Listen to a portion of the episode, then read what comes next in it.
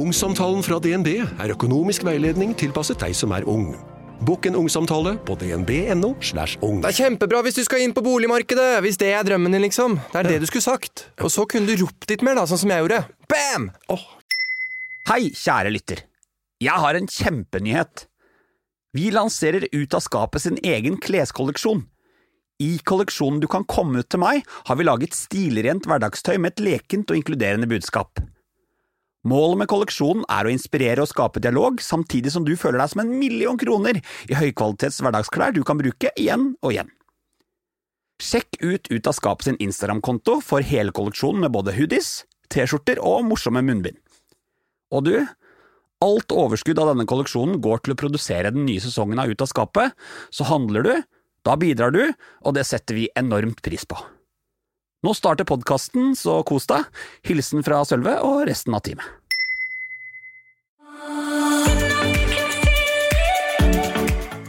Hei på deg! I denne episoden treffer du Petter Dille. Men å bruke så mange år av tenåra mine på å, øh, å tenke at jeg ikke er god nok, at jeg kanskje ikke kan elskes, at jeg kanskje øh, er en for stor belastning Altså, dette kan jo bli en belastning for øh, venner, for familie. Um, det gikk jeg jo med ganske lenge før jeg, jeg sa noen ting, og det, det, har jeg nok innsett. Og dette har nok prega hvem jeg er i veldig stor grad. Sånn at jeg nå, hvis jeg møter noen som er kjipe fordi jeg er homo, uh, så tillater jeg det litt. Uh, fordi jeg tenker ja, selvfølgelig, fordi jeg er jo en belastning fordi jeg er annerledes. Petter er prest i Den norske kirke.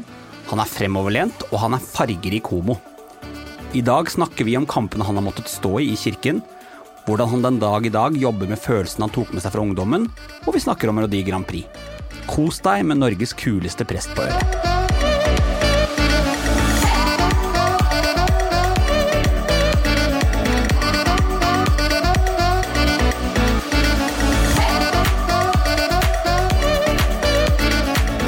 Hei, Petter. Hei, Sølve.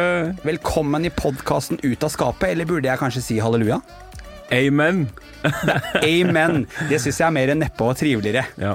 Du Petter, hvordan er livet som prest og gladlaks om dagen? Du, det er jo uh, ganske fint.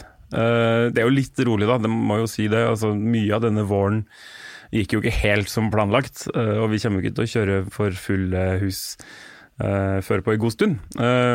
så det er ganske rolig på kontoret. Kan sysle med litt ja, det er ikke så travelt. Ikke skal på konfirmantleir i sommer heller, og det er jo egentlig litt kjipt, fordi det egentlig er veldig gøy. Men det blir jo unektelig litt mindre arbeid av det, da, å ikke måtte forberede. Så prester blir da ikke permittert? Nei. Der er det full eh, Hva bruker du dagene på da når du ikke holder eh, kirkeaktivitet? Vi har jo noe aktivitet. altså Gravferd har vi jo kjørt som vanlig, bare med noe færre mennesker i kirka. I starten var vi jo nede i fem til ti.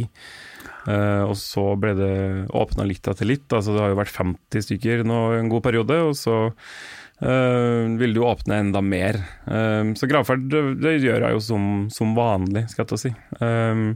ellers så har vi jo gjort mer digitalt da, enn det vi har gjort før. Så har jobba en del med ulike videoklipp til Ullern kirke sin, sin Facebook-side. og sånne ting. Og så har vi eh, ja, begynt med noen samlinger for konfirmantene, for så vidt. Eh, og gudstjenester og dåp har jeg hatt ganske mye av, for så vidt. Um, så vi får dagene til å gå. Mm. Men Ullern kirke er jo en litt sånn digital eh, kirke? Dere jobber jo litt faktisk på, som du sier, på sosiale medier også? Ja, vi har, vi har, gjort noe. Altså, vi har dødsheldige fordi vi har en ungdomsarbeider som har gått medielinja, har ah. alt utstyret som trengs og gjør jo ting dritbra. Så jeg syns jo vi ser ganske proffe ut, og det er jo takket være Rasmus og ikke så veldig mange andre, egentlig. Uh, men vi har jo da valgt å gjøre mye av det som vi opplever å få til bra, da. Uh, fordi det er klart at uh, det var mange som heiv seg rundt og begynte på veldig mange ting de ikke hadde prøvd før. Uh, når 12. mars på en måte slo til og kirken kirkene ble stengt og vi ikke hadde noe plattform lenger. Uh, men jeg, er faktisk veldig fornøyd med det vi har lagt ut, altså, og jeg syns det er mye, mye, kult der. Og det å ha en trompetist i kirketårnet på første påskedag og kjøre droner rundt som filmer folka som står på kirkegården, det gir jo en, en type stemning. og Si, det ble et lite sånn hint om at det finnes en normalitet der framme et sted. fordi det, det, kan man jo kjenne litt på når man sitter hjemme alene altfor lenge. At bare Å ja, Det var sånn livet mitt skulle bli. Det var liksom, uh, og da syns jeg det er litt fint å få bruke både kirkeklokkene og de digitale plattformene til å Tenker du at kirken skal Eller tenker du at det er en fin plattform å fortsette med, også når ting starter gradvis å normalisere seg igjen? Ser du nytten av å bruke digitale plattformer? Ja, definitivt nytten av å bruke de, eh, men jeg vil aldri erstatte på en måte det faktiske og fysiske. Eller, det, altså, du er jo mye på sosiale medier sjøl, og det er jo jeg opplever jo at uh, det er jo ikke så veldig mange relasjoner jeg har på sosiale medier som ikke også har noe bein i en type fysisk virkelighet et sted. Altså, det er ikke alle jeg møter hvert år, og det er noen jeg kanskje bare møtt én gang. Uh, men, men, det å ha sosiale medier som en sånn mellom et sted man møtes mellom hver gang man møtes, hvis det går an å si det sånn. Det tror jeg også kirka vil ha veldig godt av. da, Å gjøre mer av det vi får til, ganske greit. Uh, og minne folk om at vi er, skal jeg si. Men målet vårt vil jo være at folk kommer i kirka. Jeg er ganske sikker på at covid-19 har uh, sørget for en liten sånn digital revolusjon for veldig mange. Ja. Og jeg er uh, også glad for det. Vi er jo alle veldig glad for å nå innse alle de møtene som bare kunne vært en telefon. Ja. Det, det, sparer mye tid, og da får man tid til å gjøre kanskje viktigere ting enn å bare ha møter. Ja. Absolutt, og alt man kan gjøre. da. Jeg tenker jeg har jo kjørt ganske mange forskjellige altså Hatt en del quizer på Zoom, og hatt, uh, hadde Grand Prix-fester på Zoom, faktisk. Opptil flere. Uh, det har vært ganske gøy. Uh, og det er mye man kan få, og da har vi jo kunnet inkludert de folka som, ikke, som egentlig er i den klubben, som ikke bor i Oslo. Da kan jo de være med fra stua si der de måtte bo rundt omkring i landet. Så det har vært, eh, det har vært veldig stas, egentlig. Det er overraskende hvor eh, sosialt det egentlig kan være å ta seg en fest via skjerm. Ja. Man glemmer jo nesten at det er skjerm der. Ja, det er, veldig, altså det er veldig sjelden jeg står og roper så mye når jeg er hjemme alene, på en måte, som jeg gjør når jeg er på en Zoom-fest. Jeg feira jo bursdagen min der også, uh, så da gikk det jo fra halv seks til halv to eller noe, liksom en, en, tirsdag, hvor folk bare kom og gikk, og det var litt quiz, og så så vi litt musikkvideoer, og så prata vi litt. Og. Så det du sier meg nå, det er at du er over middels engasjert i Melodi Grand Prix? I aller høyeste grad. Uh, vi har laga Vi kaller det for sekta. Uh, sekta, ja. ja uh, som, det springer ut fra teologistudiet. Altså det er ganske mange prester i, i det. Og så er det litt tilfeldig sammensatt av folk jeg kjenner som bare opp gjennom tida har spurt meg på et eller annet tidspunkt hvordan skal du feire Grand Prix? og da er det sånn, vær så god, det var det hemmelige kodeordet du ikke visste om. Du er herved tatt opp i sekta som da vil fortsette. Og vi møtes jo fire ganger i året, minst. Um, og har ulike, altså Vi har såpass mye program at vi rekker ikke på selve Grand Prix-dagen. Um, derfor så nå før jul så hadde vi en brunsj hvor vi så alle andreplassene gjennom tidene. Og så kåra hadde vi en cup da blant de 32 beste, som da endte opp med en topp åtte-liste. Dette her dette er sånn next level shit ved Grand Prix. Jeg, for jeg trodde jo jeg var fan, men når vi da ser alle andreplassene opp igjennom, da tenker jeg at da er du blodfan. Ja, vi skal ta tredjeplassen nå over sommeren. så det er ikke det du skal bekymre deg for. Nei, det er veldig gøy. Så har vi quiz, og vi har politisk foredrag, og vi har eh, Ja, det er full, full pakke. Jeg ble, jeg ble, varm om hjertet av å høre om det. Altså, mm. jeg, jeg, elsker engasjement. og jeg, Nå har jeg innsett, skjønt at det også går an å engasjere seg i andre- og tredjeplasser. Ja, og det er jo 26 land som deltar i finalen, så kan du jo begynne på alle de som ikke ble kvalifisert til finalen. Du kan begynne å gå inn i de nasjonale finalene rundt omkring i Europa. Altså, Du blir aldri ferdig. Det er så mye å ta tak i. Jeg tenker Hvis du som hører på nå tenker at du var Melodi Grand Prix-fan, så er du ikke i nærheten av det som er mulig å oppnå. Her har alle et forbedringspotensial. Tusen takk, tusen takk. Men, men dere, ja. Nei, men eh, vi burde, vi burde, egentlig bare solgt konseptet, fordi det, det, er veldig mye bra å ta av, rett og slett. Altså. Det var en liten sånn uh, trigger til de som trenger et nytt TV-konsept, tenker jeg. Du, det er bare å ringe. Du er jo nå med i podkasten Ut av skapet. Yes. Um, og jeg lurer innledningsvis litt på når første gangen Når det var første gangen du tenkte at hm, jeg er ikke nødvendigvis hetero? Ja. Jeg, eller Det er et godt spørsmål. Uh, jeg tipper at jeg kanskje var tolv 13 Det er jo typisk liksom tidlig pubertet. Uh, og jeg tror kanskje jeg lærte, ble lært det. Altså, ikke at jeg var homo, men jeg tror jeg hadde kjent på en annerledeshet som jeg ikke skjønte helt hva var for noen ting. Og da når jeg liksom begynte å forstå hva homofili var for noe, så bare skjønte jeg oi, shit, dette er jo det samme. Altså det jeg føler er annerledes, er dette. Mm. Å, dæven, det er jeg egentlig ikke så innstilt på. For det, ja, for det jeg lurer på da, er jo Du sier jo det at du da var tolv, og det var da du kanskje først fikk presentert liksom homo eh, som en greie. Da er du jo nødt til å liksom fortelle litt sånn Åssen har du vokst opp? Familie, hvilken familierelasjon har du? Det vet jo nå at du er prest. Har du vokst opp i eh, en kristen familie? Nei, ikke mer enn de fleste. Altså, vi har alle tilhører jo kirka og er døpt og konfirmert og gifta seg der og sånn, men, eh, men jeg tror nok det var et like stort sjokk for familien min at jeg skulle ende opp som prest som at jeg var homo, for så vidt. Oh, ja. Eh, Så det er ikke noe, ikke noe prester i, i slekta, så vidt jeg vet. Så det var ganske tilfeldig. Men eh, nei, jeg har to eldre søstre og en mor og en far. Vokste opp på en gård på ei lita øy utafor Namsos. Ja. Og der føler jeg vel kanskje at vi har litt av Litt av bakgrunnen for at man ikke nødvendigvis snakker så mye om homo, fordi at i, i, når man vokser opp eh, på landet, så er det jo ofte eh, litt mindre forbilder tilgjengelig eh, Altså for, homofile forbilder tilgjengelig. Eh, og da er det kanskje ikke noe naturlig å eh, å ta den praten, eller før man blir tolv. Fordi Det som er litt rart, da, jeg dansa jo ballett eh, fra jeg var sju til jeg var 15. Eh, og På et tidspunkt så var jeg jo den eneste gutten som var på den ballettskolen med 350 elever. Eh, og Jeg tror ikke nødvendigvis det har noe sammenheng med at det er homo, for jeg tror ikke det blir homo av å danse, eller at nødvendigvis homofile er mer interessert i å danse. Men, men jeg var jo ikke eh, redd for å på en måte skille meg ut, da. Det det jeg er litt rart, at liksom det sto jeg i. Uh, og det heia jo familien på. Eller sånn, det var sånn, ja der er Petter, han danser. Uh, det var like naturlig som at hvem som helst andre gjorde det. Um, men akkurat det med homo, det ble krise og forbilde. Nei, det var ikke så mange av de. Jeg visste jo av et par, men mange av de hadde jo flytta. Og så husker jeg at jeg ble veldig prega av de uh, som var på TV. Både Roy i Syv søstre, som en, en ganske sånn uh, åpenbar uh, Kanskje som første norske som jeg ble kjent med, skal jeg si. Uh, og, og senere også Will og Grace, som kanskje ble mer uh, det jeg lengta litt etter, da. Eh, samme hvor sutrete de to måtte være, så var det en eller annen normalitet over måten de levde sitt voksenliv på, som ga, ga et slags håp om at ja, men dette kan jeg jo kanskje få til.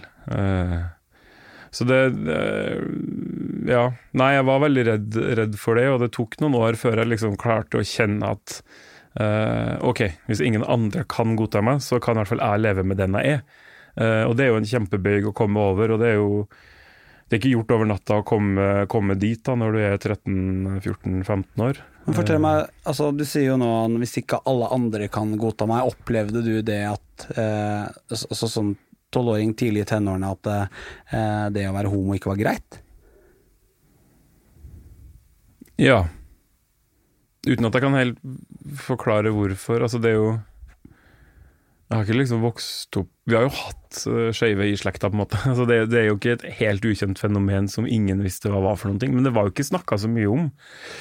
Uh, og det var jo en helt Altså, det var ganske annerledes uh, den gang da, der ute, enn det er her i Oslo uh, nå. Um, så ja, jeg, jeg, jeg tenkte at dette kan bli for mye. Eh, og så utvikla jeg jo en løgn, da, ikke sant? Uh, og hvorvidt det er en løgn eller ikke, men at jeg begynte i hvert fall å skjule det og holde tett om det. Uh, og det gjorde jeg jo ganske mange år. Og det var jo ikke gode år. ikke sant? De var jo bekymra for hvordan det gikk med meg, og hva greia var. og Hva slags type, altså Fortell hva slags løgn tenker du på da?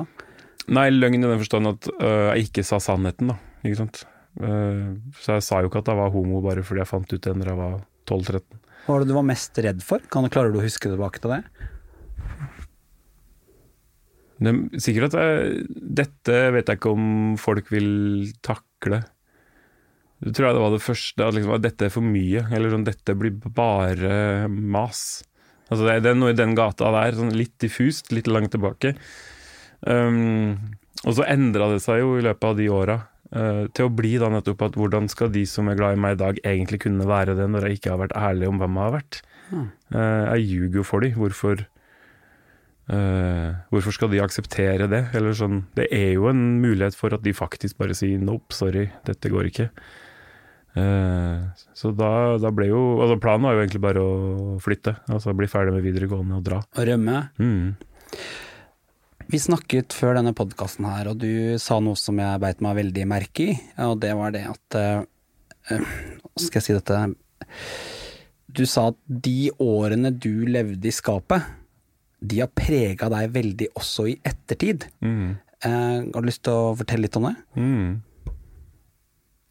Ja, altså Dette er, altså, det jobber jeg litt med fremdeles. Um, nå lever jeg jo et liv hvor jeg ikke har Jeg har ikke noen i livet mitt nå som ikke tar meg for den jeg er, og er glad i meg sånn som meg. Men, men å bruke så mange år av tenåra mine på å, å tenke at jeg ikke er god nok, at jeg kanskje ikke kan elskes, at jeg kanskje er en for stor belastning. Altså Dette kan jo bli en belastning for venner, for familie. Um, det gikk jeg jo med ganske lenge før jeg, jeg sa noen ting, og det, det, har jeg nok innsett at dette har nok prega hvem jeg er i veldig stor grad.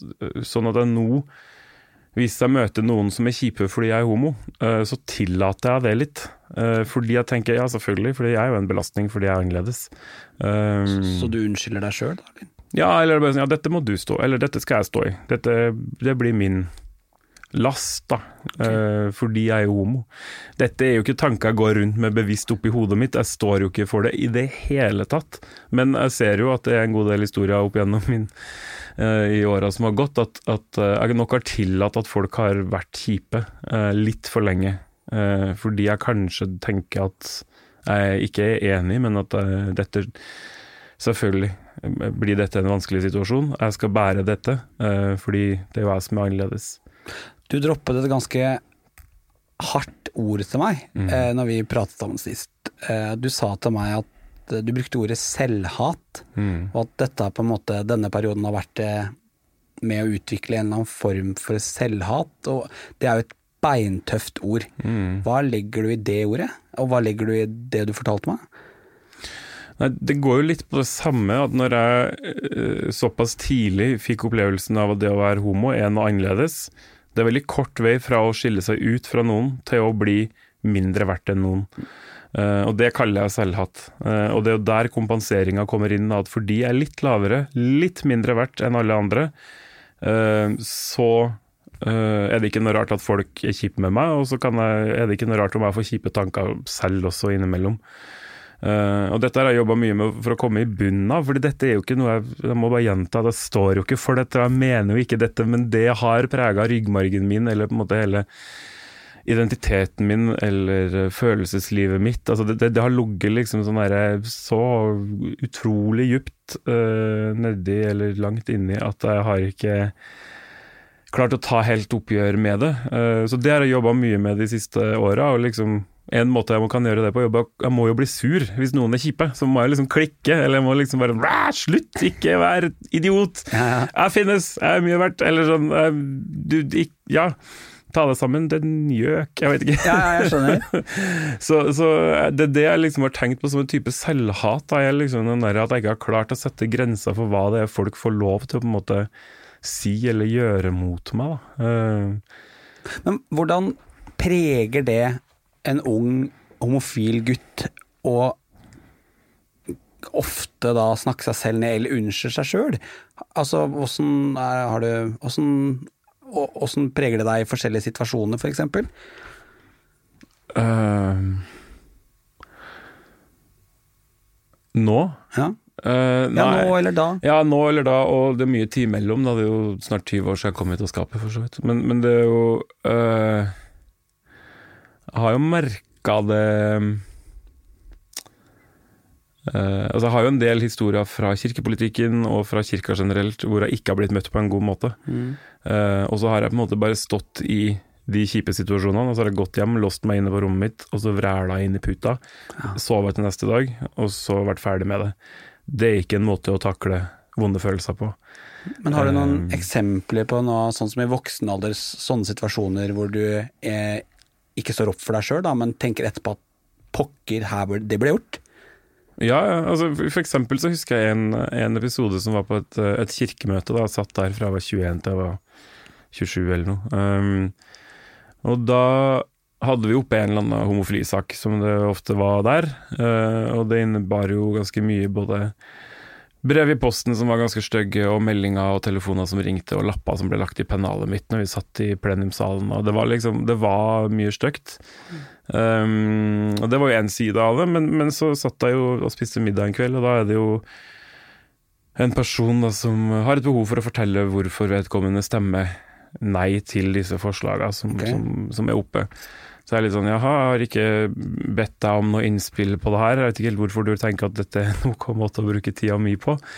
Men det ender jo opp med at vedkommende sitter jo da og, og gråter, uh, fordi uh, hen syns det er så vanskelig uh, å stå for det en står for, og samtidig møte meg. Det går ikke opp, da. Ikke sant? Fordi jeg egentlig vil ja, jeg, vet ikke, jeg forsto ikke helt hvor de tårene kom fra, men poenget er at hvorfor skal jeg bære altså Hvorfor må jeg sitte og høre på din historie om hvordan du syns det er vanskelig at jeg er den jeg er, når du stemmer eh, imot det som på en måte ville gitt meg en åpning for å jobbe i kirka, f.eks.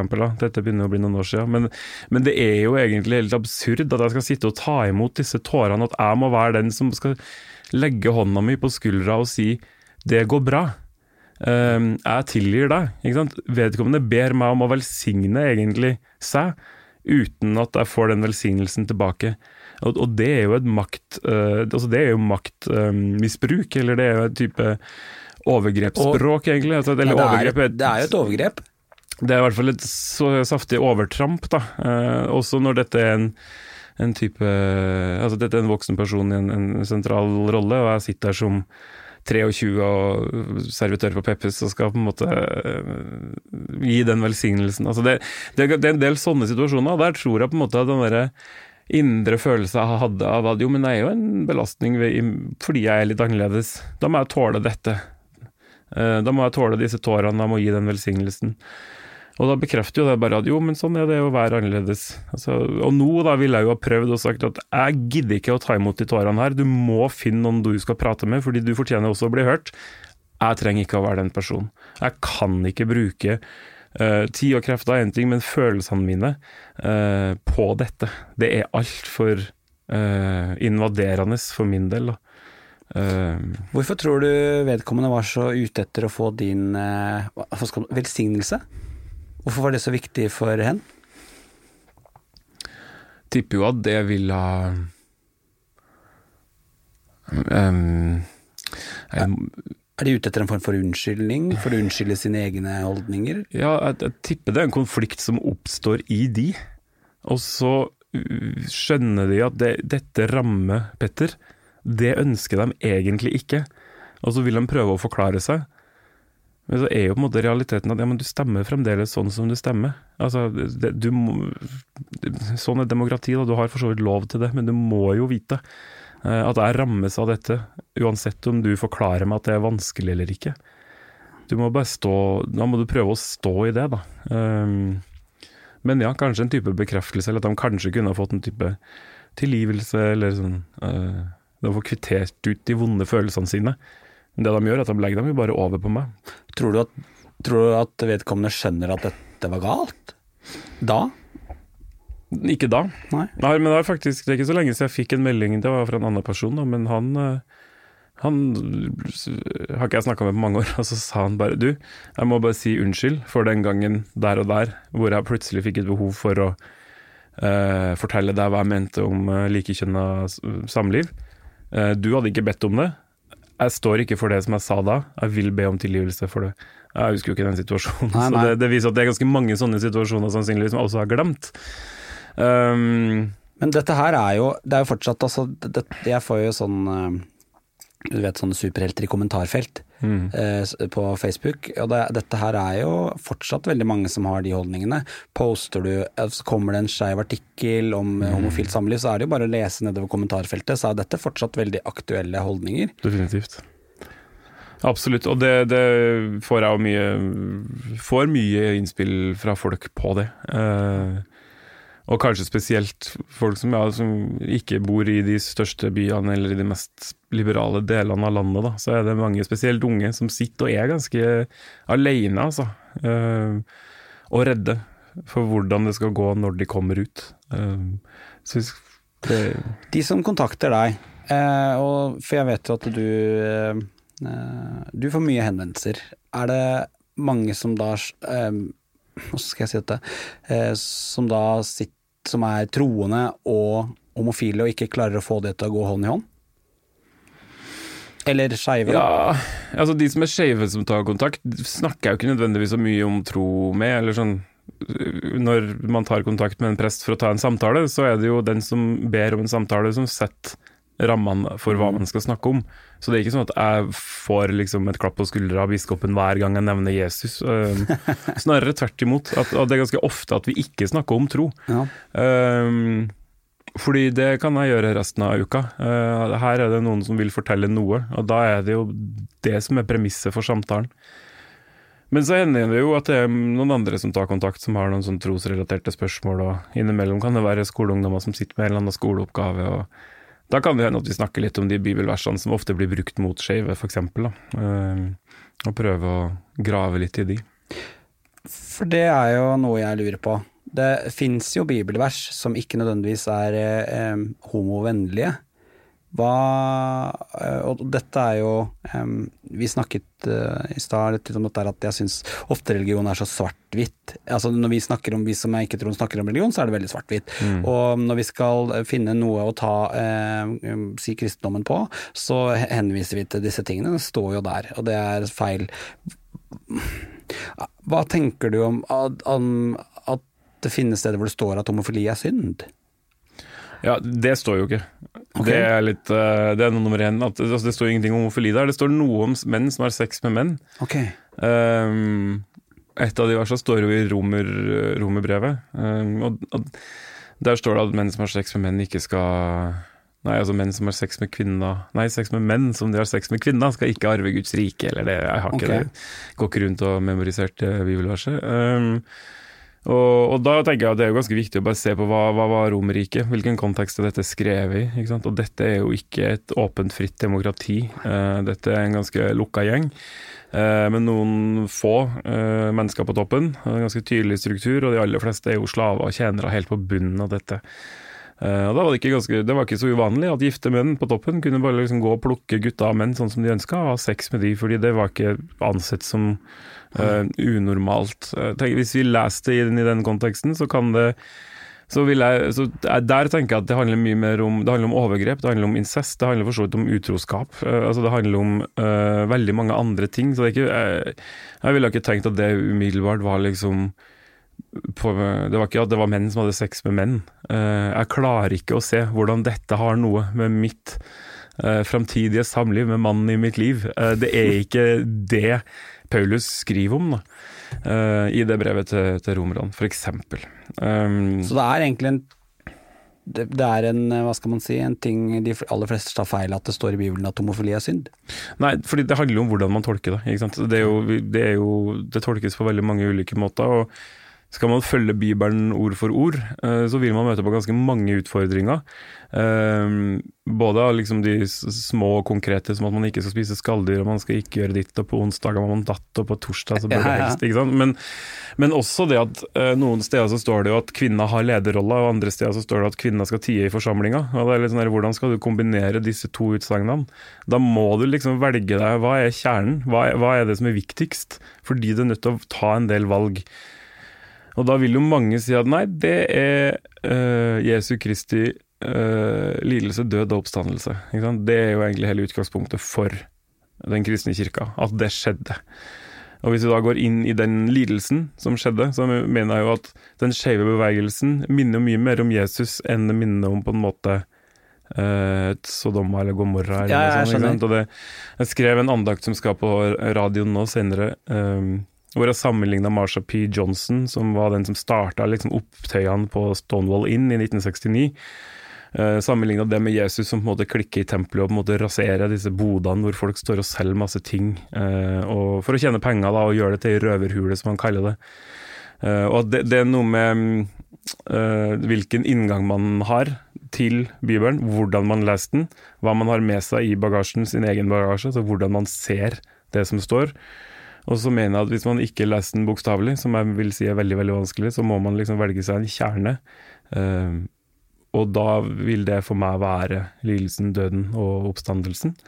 Uh, og i det så er det rom for skeive. Uh, sånn helt uten tvil. Altså der men det er en veldig for, forenkla versjon. Ja, jeg skjønner det. Jeg synes det for det første er veldig kult at du velger å dra da en, eh, en farga skeiv aktivist eh, eh, inn i eh, inn i kirken, det er jo veldig kult. Jeg merker nå at jeg må ta meg en tur på en av dine eh, altså Gudstjenester. Gudstjenester, ja. Det, er, det hadde vært eh, hakket hvassere for meg, tror jeg. Jeg har fått med meg.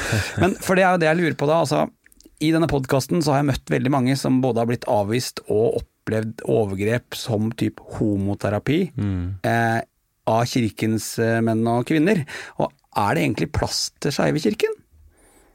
I aller høyeste grad. Uh, det har skjedd mye, og det skjer mye. Vi må ikke Nei, for det er jeg interessert i å høre om. Jeg er bare utrolig opptatt av å ikke si at dette var bare noe vi drev på med en gang i tida. Uh, det er kjempedramatisk, um, og det, det ødelegger liv. Uh, og det har ikke kirka råd til å, å, å være, være bekjent med. Um, det har jo aldri før vært så mange skeive som jobber i kirka, som åpner skeive. Jeg kan jo ikke for så vidt si at det aldri har vært det, men det har ikke vært så mange åpne. Og det har aldri vært så mange som på en måte heier på skeives plass. Og nå har vi via likekjønna par i flere år. Uh, Skeive har kunnet blitt ansatt i, for altså, lenge. og vi har begynt å få et beskyttelsesvern på gang, og det er nå en undersøkelse på gang også, som, som skal prøve å finne ut hvordan er det å være LHBT-person og jobbe i kirka. Veldig spennende. Um, kirka trenger jo å delta på pride for å være med og vise at det skjer en utvikling. Eh, mange bærer nag og er forbanna på kirka, og det er jeg full forståelse for.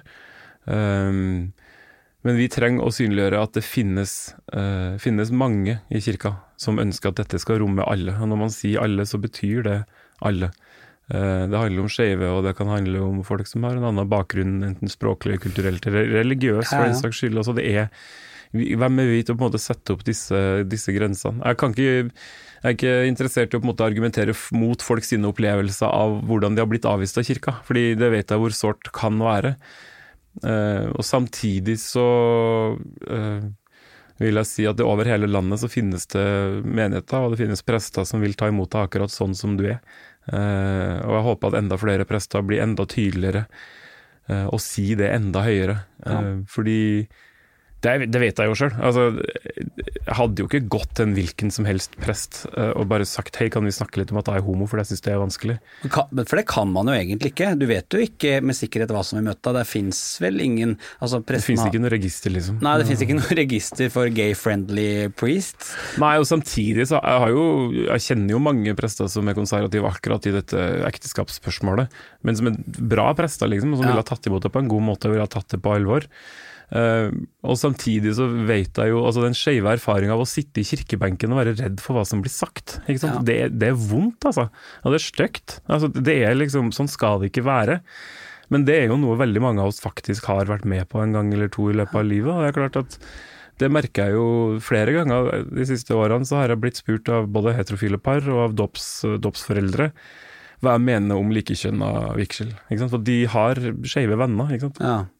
Og de vil ikke risikere at deres bryllup blir et sted hvor skeive føler seg diskriminert Nei, eller utelatt, eller uh, Så tenker jeg at ja, for min del er det litt enkelt, for jeg tipper jo de fleste, hvis du får en prest, så googler du jo vedkommende. Jeg tenker at da utelater jo ikke så veldig mye tvil om hvor jeg står i denne saken, da. Um, men, eh, men jeg skjønner liksom at man ikke har en umiddelbar tillit til hvilken som helst prest. Men jeg, jeg beit meg merke i noe du sa. Eh, du sa jo at det finnes gode prester som er eh, konservative Som har konservative holdninger til dette med giftermål, mann-kvinne. Men er det mulig å være en god prest hvis du ikke støtter opp under likekjønnet ekteskap? Ja, ja for det, det er jo ikke bare dette vi jobber med heller, for så Nei. vidt. Så det, Men er ikke det en såpass stor greie som sier noe om verdisynet ditt? ja, jeg kommer jo litt i skvis på ett vis der, da. Ikke sant? Hva ville jeg liksom sagt som privatperson som har sittet i kirkebenken og vært redd for hva som blir sagt på den ene sida, som vil tenke dette er helt grunnleggende i min forståelse av hva en prest er. Eh, og samtidig når det kommer til uh, f.eks. det å ha en gravferd eller å ha en gudstjeneste hvor med, altså, eller eh, når man ser hvor radikale mange er på både spørsmål knyttet til klima eller flyktninger og sånne ting, så er det Eh, det er ikke alltid jeg tenker at likekjønna vigsel avgjør hvorvidt en prest er god eller ikke. Nei, nei, jeg skjønner. Eh, Men sier det noe om Sier det noe om verdigrunnlaget til presten? ja, hvis man tenker at ekteskapssyn er en del av verdigrunnlaget, så gjør det jo for så vidt det. Da. Eh, men uh, Eller, tror, eller tenker du at denne diskusjonen må løftes litt høyere? Jeg er jo spent på hva det er som er det neste, på en måte. For Ja. nå er det ikke så veldig mange LHBT jo, På T-fronten er det jo noen, men ikke lesbiske, homofile, bifile, så er det ikke så mange kamper igjen, uh, som er sånne store, tunge symbolvedtak. det, er- det, det er mye som skal ordnes på i struktur og eh, slike ting, men, men det, det går litt eh, mer av seg sjøl, selv om det går litt tregt innimellom. Eh, men hva er det, hva er det neste? Eh, vi har jo hatt på en måte kvinnespørsmålet, gikk jo gjennom noen tiår. Nå har homospørsmålet gått gjennom noen eh, tiår. Hvordan Kommer det noe nytt som på en måte tar over? Og vil det eventuelt avsløre mer av de forskjellene som eventuelt måtte finnes, da? Hvor riktig er det at vi gir tid til å endre holdninger? Og, skal, og, og, og la mennesker forstå? Altså, prester er også folk.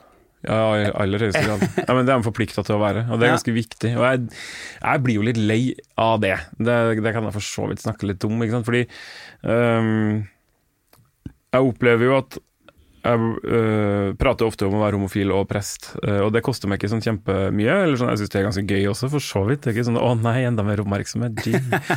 Men sånn øh, ja, Nå datt jeg litt av mitt eget resonnement her. Eh,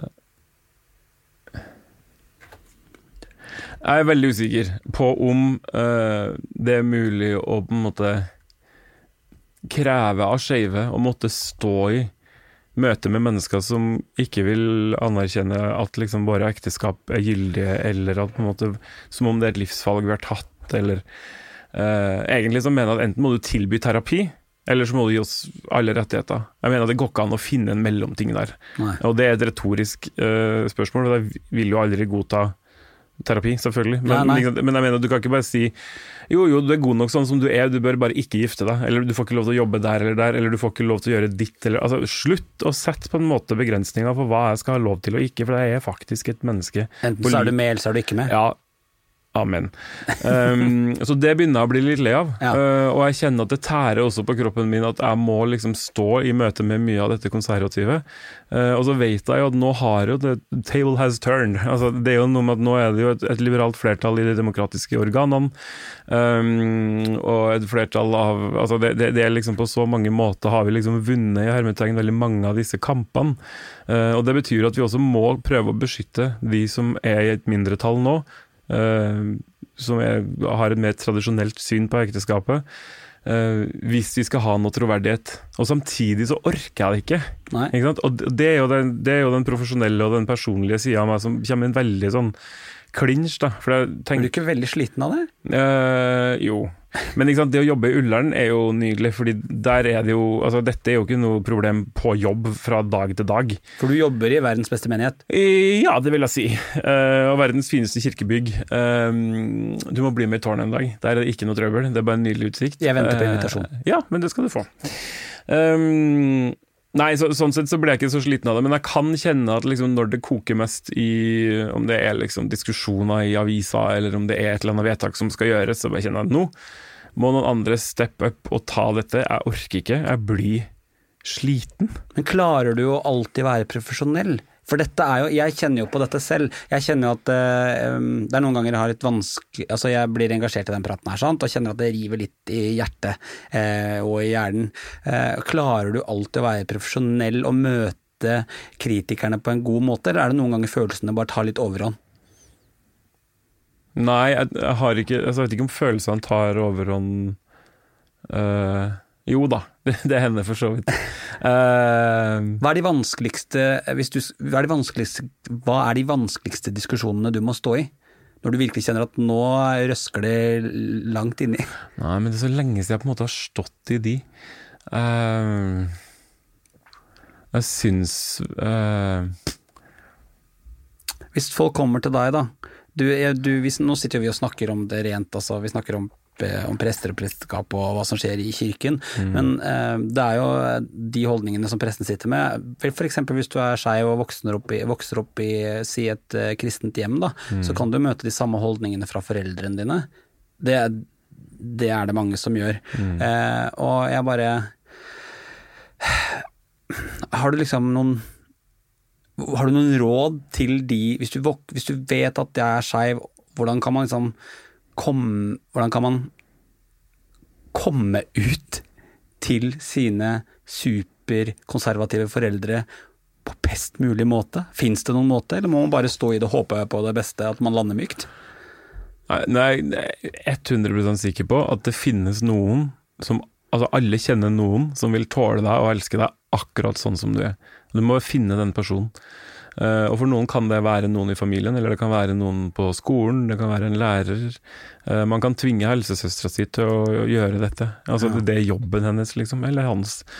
Um, og, eller det kan være noen andre, jeg vet ikke. Kanskje du har søsken som har venner, eller du har en tante med en ekskjæreste som har et fetter Det er ikke så himla nøye hvem, men finn den personen.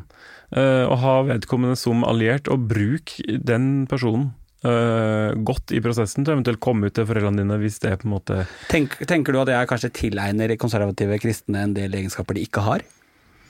Tror du det? Jeg lurer på det etter den praten her.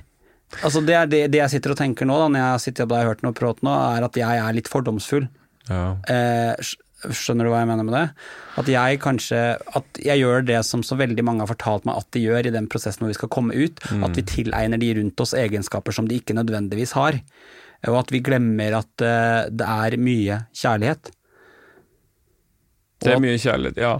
Ja, altså mm, Ja, jeg, jeg tenker mange er ikke konservative, de bare vet ikke så mye. Og de har ikke språk Uvitende. på det. Ja, de, de er litt sånn derre eh, Det tror jeg kanskje var mye av liksom, mine foreldre hadde bare ikke helt språket på det. Vi var jo Altså, det var aldri noe sånn drama i form av er jeg velkommen hjem eller ikke. Og mamma gråt jo en stund fordi hun var så letta over at det var dette. For de skjønte jo at jeg ikke hadde hatt det bra en lengre periode. ikke sant? Så at, uh, men det var jo litt Det ble jo litt drama. Altså, tårer er nå uansett tårer. Um, men, men jeg tror ikke de hadde helt språket på det. Uh, men de hadde jo egentlig ganske mange handlinger på det. Altså de, de kunne liksom fortsette å gjøre ting som normalt, og, og leita litt etter det. da Som når jeg har hatt med kjæreste hjemme og sånn, så har ikke det vært noe issue, liksom. For altså, hele den der komme ut-prosessen er jo ekstremt omfattende for de som står i den. Forstår egentlig straighte hvor omfattende det er? Nei. Det tror jeg ikke. Eller jeg, jeg tror man skjønner at dette er det, Men det tror jeg ikke er noe mål heller. Fordi det er litt sånn der, Jeg forstår ikke hvordan det er å være flyktning, eller jeg forstår ikke hvordan det er å være svart i Amerika. på en måte. Det er litt sånn um, men, man må forstå at dette er heftig, og man må liksom uh, gi rom for det i samtalene man har rundt det. Uh, og prøve å ikke hele tida prøve å ikke komme med masse råd eller forventninger til hvordan det skal gå. Det er til dags dato det heftigste jeg har vært med på i hele mitt liv. Eh, å komme ut og, og, og det å Men aller mest er vel det å gå og bære på det så lenge som på en måte har satt mest spor. Og så gikk jo jeg fra null til 100 på et par dager, ikke sant? så det var jo fra at ingen visste det på mandag til at jeg hadde ringt rundt og sagt det til alle på søndag. Og etter det så har jeg jo aldri holdt det skjult, utenom når jeg har vært i land hvor det har vært kriminelt, da. Men det er jo eh, Hvordan ble du, ble du møtt? Når kom gikk ut fra 0 til 100? Nei, overveldende bra. Mm. Men eh, det ble Ja.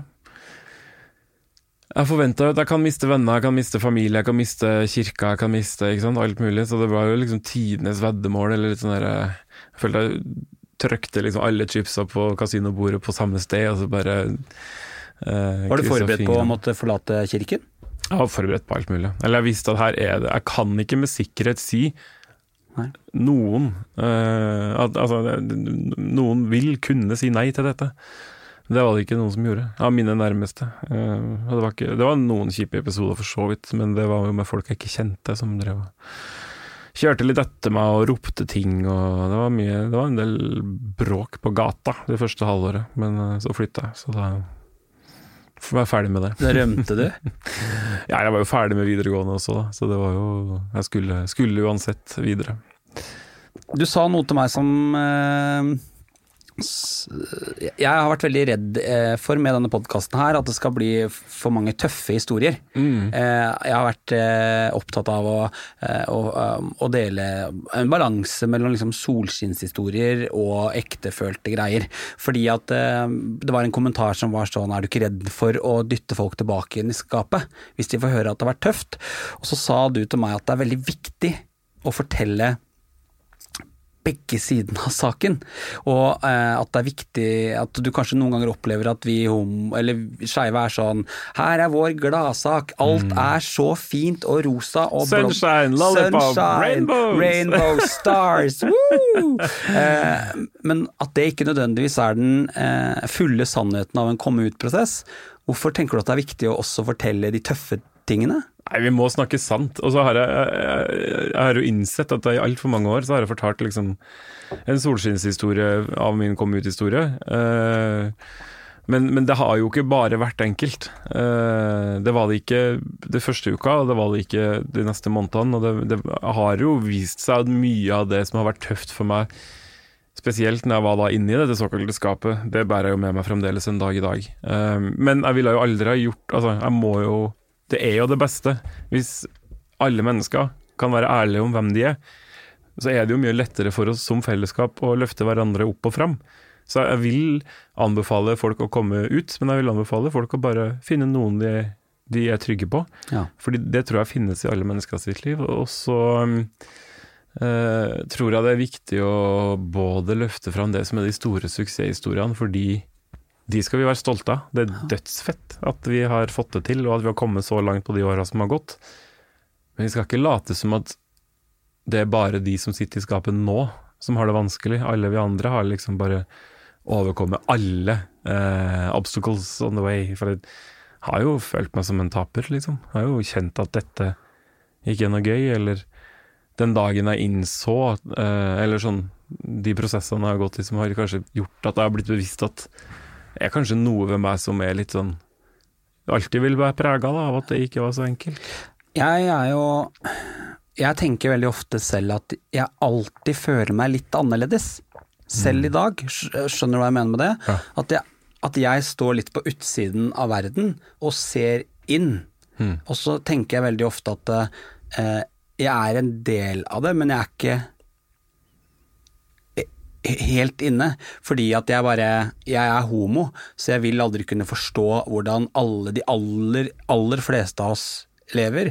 Og så er det jo sånn, vi lever jo i et sånn heteronormativt samfunn, eh, og alt som Alt legges opp til, selv om det blir gradvis bedre, men det legges jo opp til liksom eh, mann-kvinne-relasjoner rundt omkring. Så jeg opplever fortsatt en dag i dag, som eh, straks 34 år gammel mann, at jeg fortsatt kjenner litt på at jeg er litt rar. Eh, og jeg skulle sånn Og noen ganger så blir jeg så skuffa over meg selv fordi at jeg tenker de tankene, fordi at jeg vil jo være eh, Jeg vil være en del av det. Hvorfor tenker du at det er sånn at eh, vi som voksne skeive fortsatt oss, kan kjenne oss litt sånn rare? Ja, men jeg tror jo det er fordi jeg, Nå er jo vi litt forskjellige historier å komme ut også, da, men, men, men jeg òg kan jo innimellom kjenne på et type utenforskap. Eh, det var interessant å kalle det utenforskap når jeg egentlig var i skapet. Det, ble, Det var en perfekt. Men, um, nei, men, men, men min erfaring fra det som ble store deler av tenåra mine, var jo at jeg er jo ikke en fullverdig deltaker i dette livet når jeg ikke er ærlig om hvem jeg er. Hvordan skal folk elske meg når jeg ikke er ærlig om hvem jeg er? Det er jo det som er mørkt, eller det er så svært, da. Ehm, fordi folk i mitt liv anså det jo ikke som en så big deal at det gjorde noe med hva de følte om meg, de ble jo bare glad for at jeg kom ut. Men det er jo klart at den bærer jeg jo med meg, den bitte lille boksen av en følelse. Eh, og så er det jo da, i gode perioder, så er det bare sånn her jeg har glitter nok til alle fordi jeg er annerledes. Og andre ganger så blir det litt sånn her Når skal jeg få lov til å passe inn? Når kjenner du på de tankene? Det, kan, du, kan du kjenne på situasjoner hvor de tankene kan dukke opp? Nei, jeg, jeg tror mye av det handler egentlig om eh, Jeg tror det er når jeg blir sliten, altså når det er nattesøvn og det er eh, matinntak, eh, som på en måte er nødt til å Det er fysiologiske tilbake. ting. Ja, det er mye fysiologi som på en måte fører til at jeg blir sliten, og da kan jeg nok kjenne på en del av disse litt sånn gamle gamle følelsene. Jeg tror bare liksom at hvis man har følt seg utafor en gang, så er det ikke sånn at man bare ok, kvitterer ut det, ferdig. Nei. Sånn i hvert fall ikke er bygd, da. Nei. Noen er kanskje det, og da er de jo på en måte heldige, men jeg tror alle ting jeg har følt en eller annen gang, bærer jeg med meg, og kroppen min husker jo ting som jeg ikke husker. Ikke sant? Så at den kan også slå inn uh, i form av uh, at jeg kan bli redd, eller jeg kan føle meg på en måte dårlig behandla, Ja, ja. uten at folk helt skjønner hvorfor. Jeg er ikke, ikke sikkert jeg skjønner helt hvorfor heller, for så vidt. Men, men eh, da kan jeg kjenne det litt, at liksom, dette var vondt, og så vet jeg ikke hvorfor. Altså så må jeg jobbe litt med det, og så finne ut av det. Og det der er jo en Jeg syns det, er så- det er så fint, for det er så viktig å forstå at disse kjipe tingene man har opplevd, eh, de, man blir ikke nødvendigvis kvitt de, man bare lærer seg å leve med de og håndtere de. Eh, og det er jo det som er at Og det er jo viktig at en Hva skal man si eh, Det man tenker er ikke nødvendigvis sannhet. Sant? Det er ikke nødvendigvis sånn at det du skaper oppi hodet ditt faktisk er reality. Og det bruker jeg veldig ofte når jeg sjøl, hvis jeg er litt på bånn, og kjenner at uh, Sølve, nå er du Du er en dritt. Eller dette kommer ikke du til å klare. Eller du kommer aldri til å bli lykkelig fordi at du ikke passer inn i heteronormativen. Så er jeg veldig kjapt ute med å bare Du, dette her er bare et resultat av at, eh, som du sier, nå er du sliten. Ja. Eh, Du har ikke vært flink til å ta vare på deg sjøl.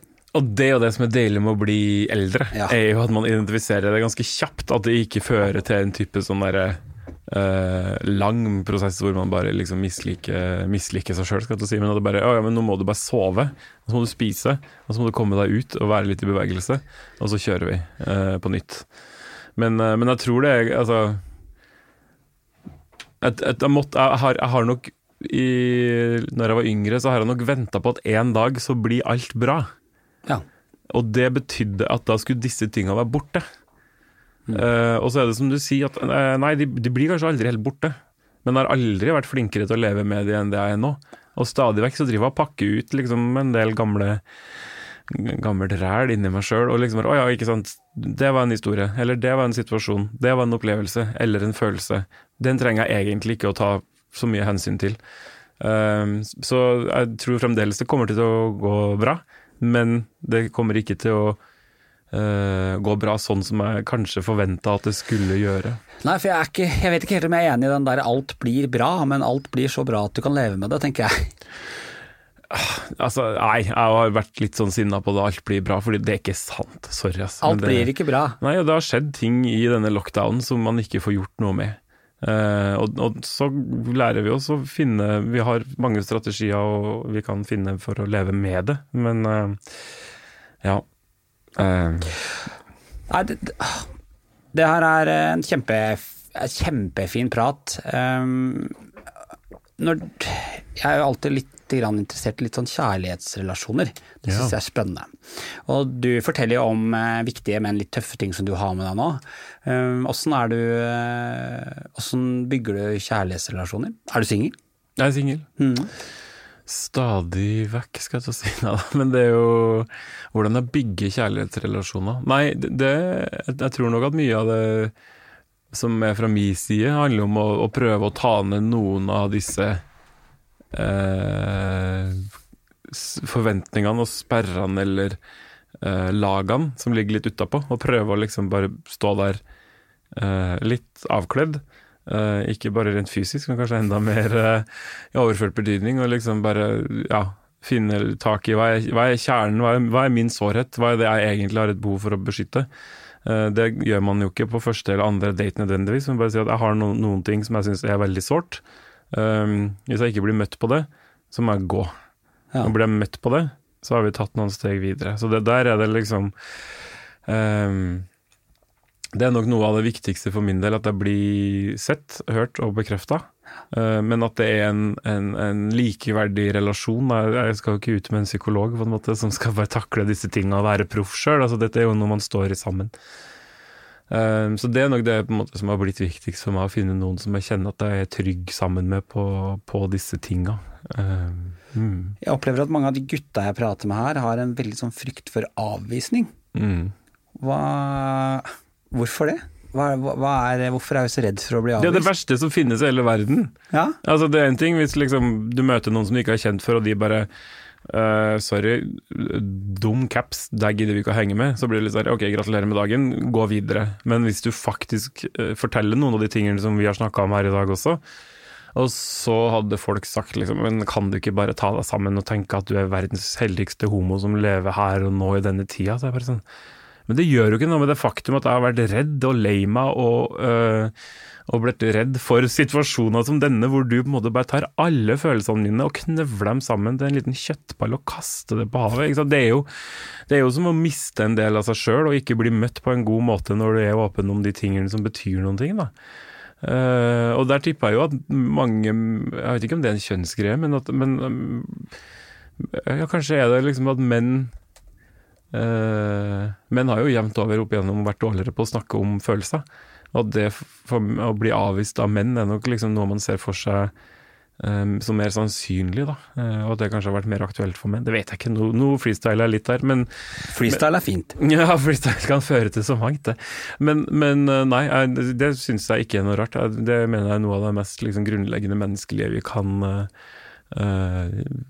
erfare, er jo frykten for avvisning.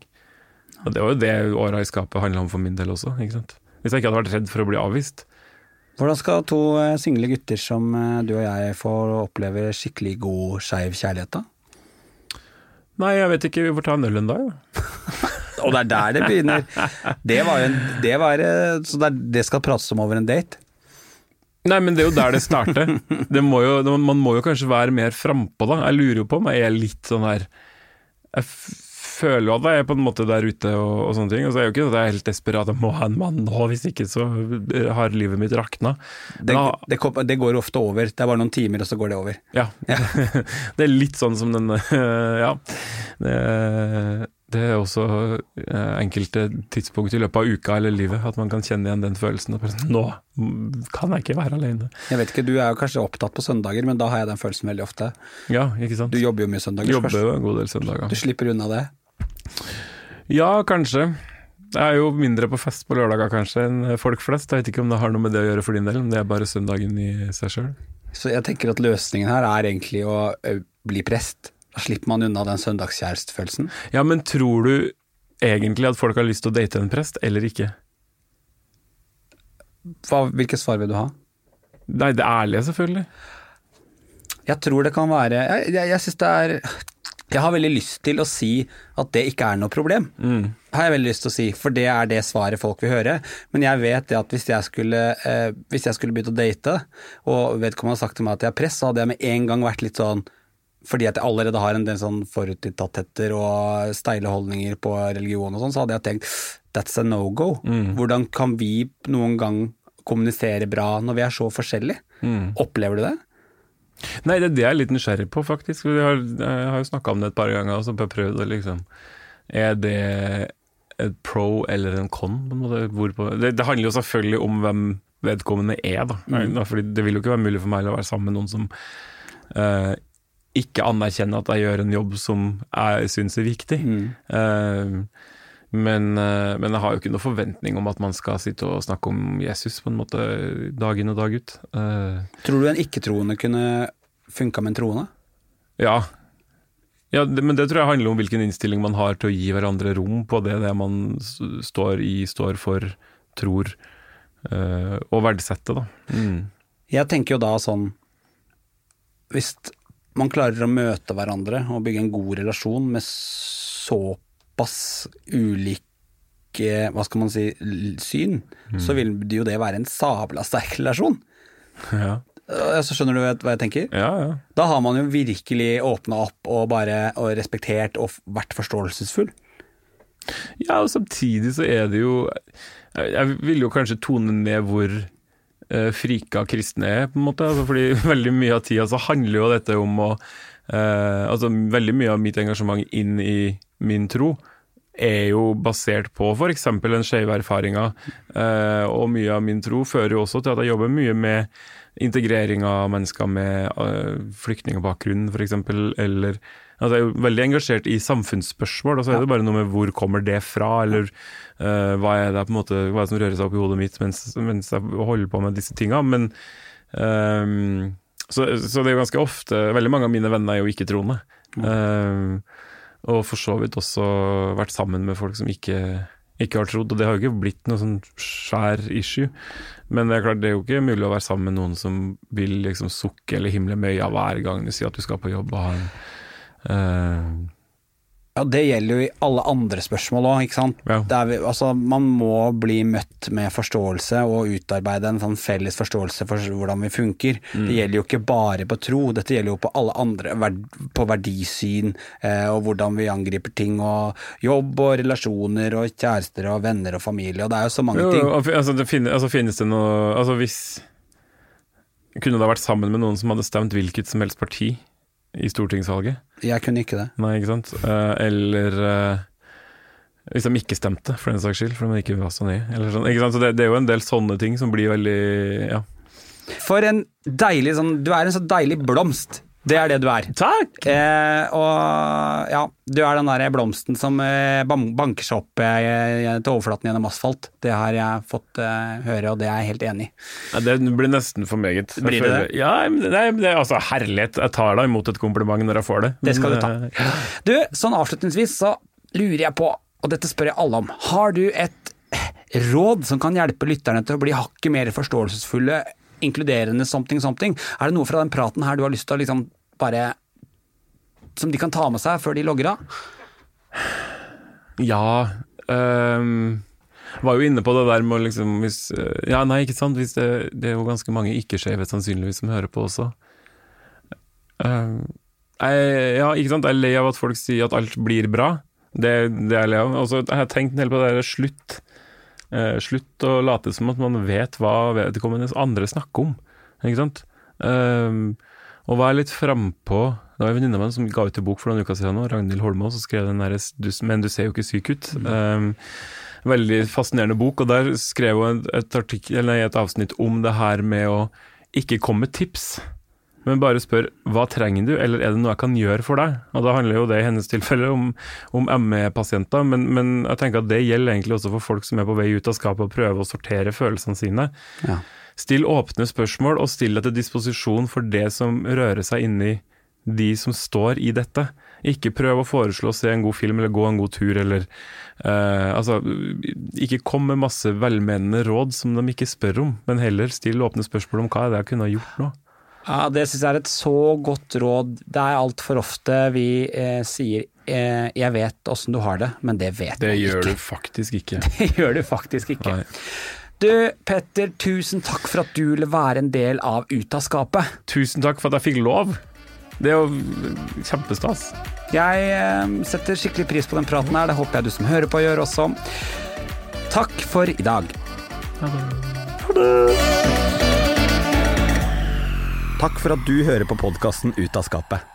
Det betyr mye for mange. Informasjon om dagens gjest finner du i episodebeskrivelsen. Sjekk alltid ut fine folk på sosiale medier. Denne podkasten er helt avhengig av deg, så er du glad i Ut av skapet, del om du lytter, og rate oss gjerne der du kan rate podkast. Jeg gleder meg skikkelig til nye skeive historier neste uke. Vi høres.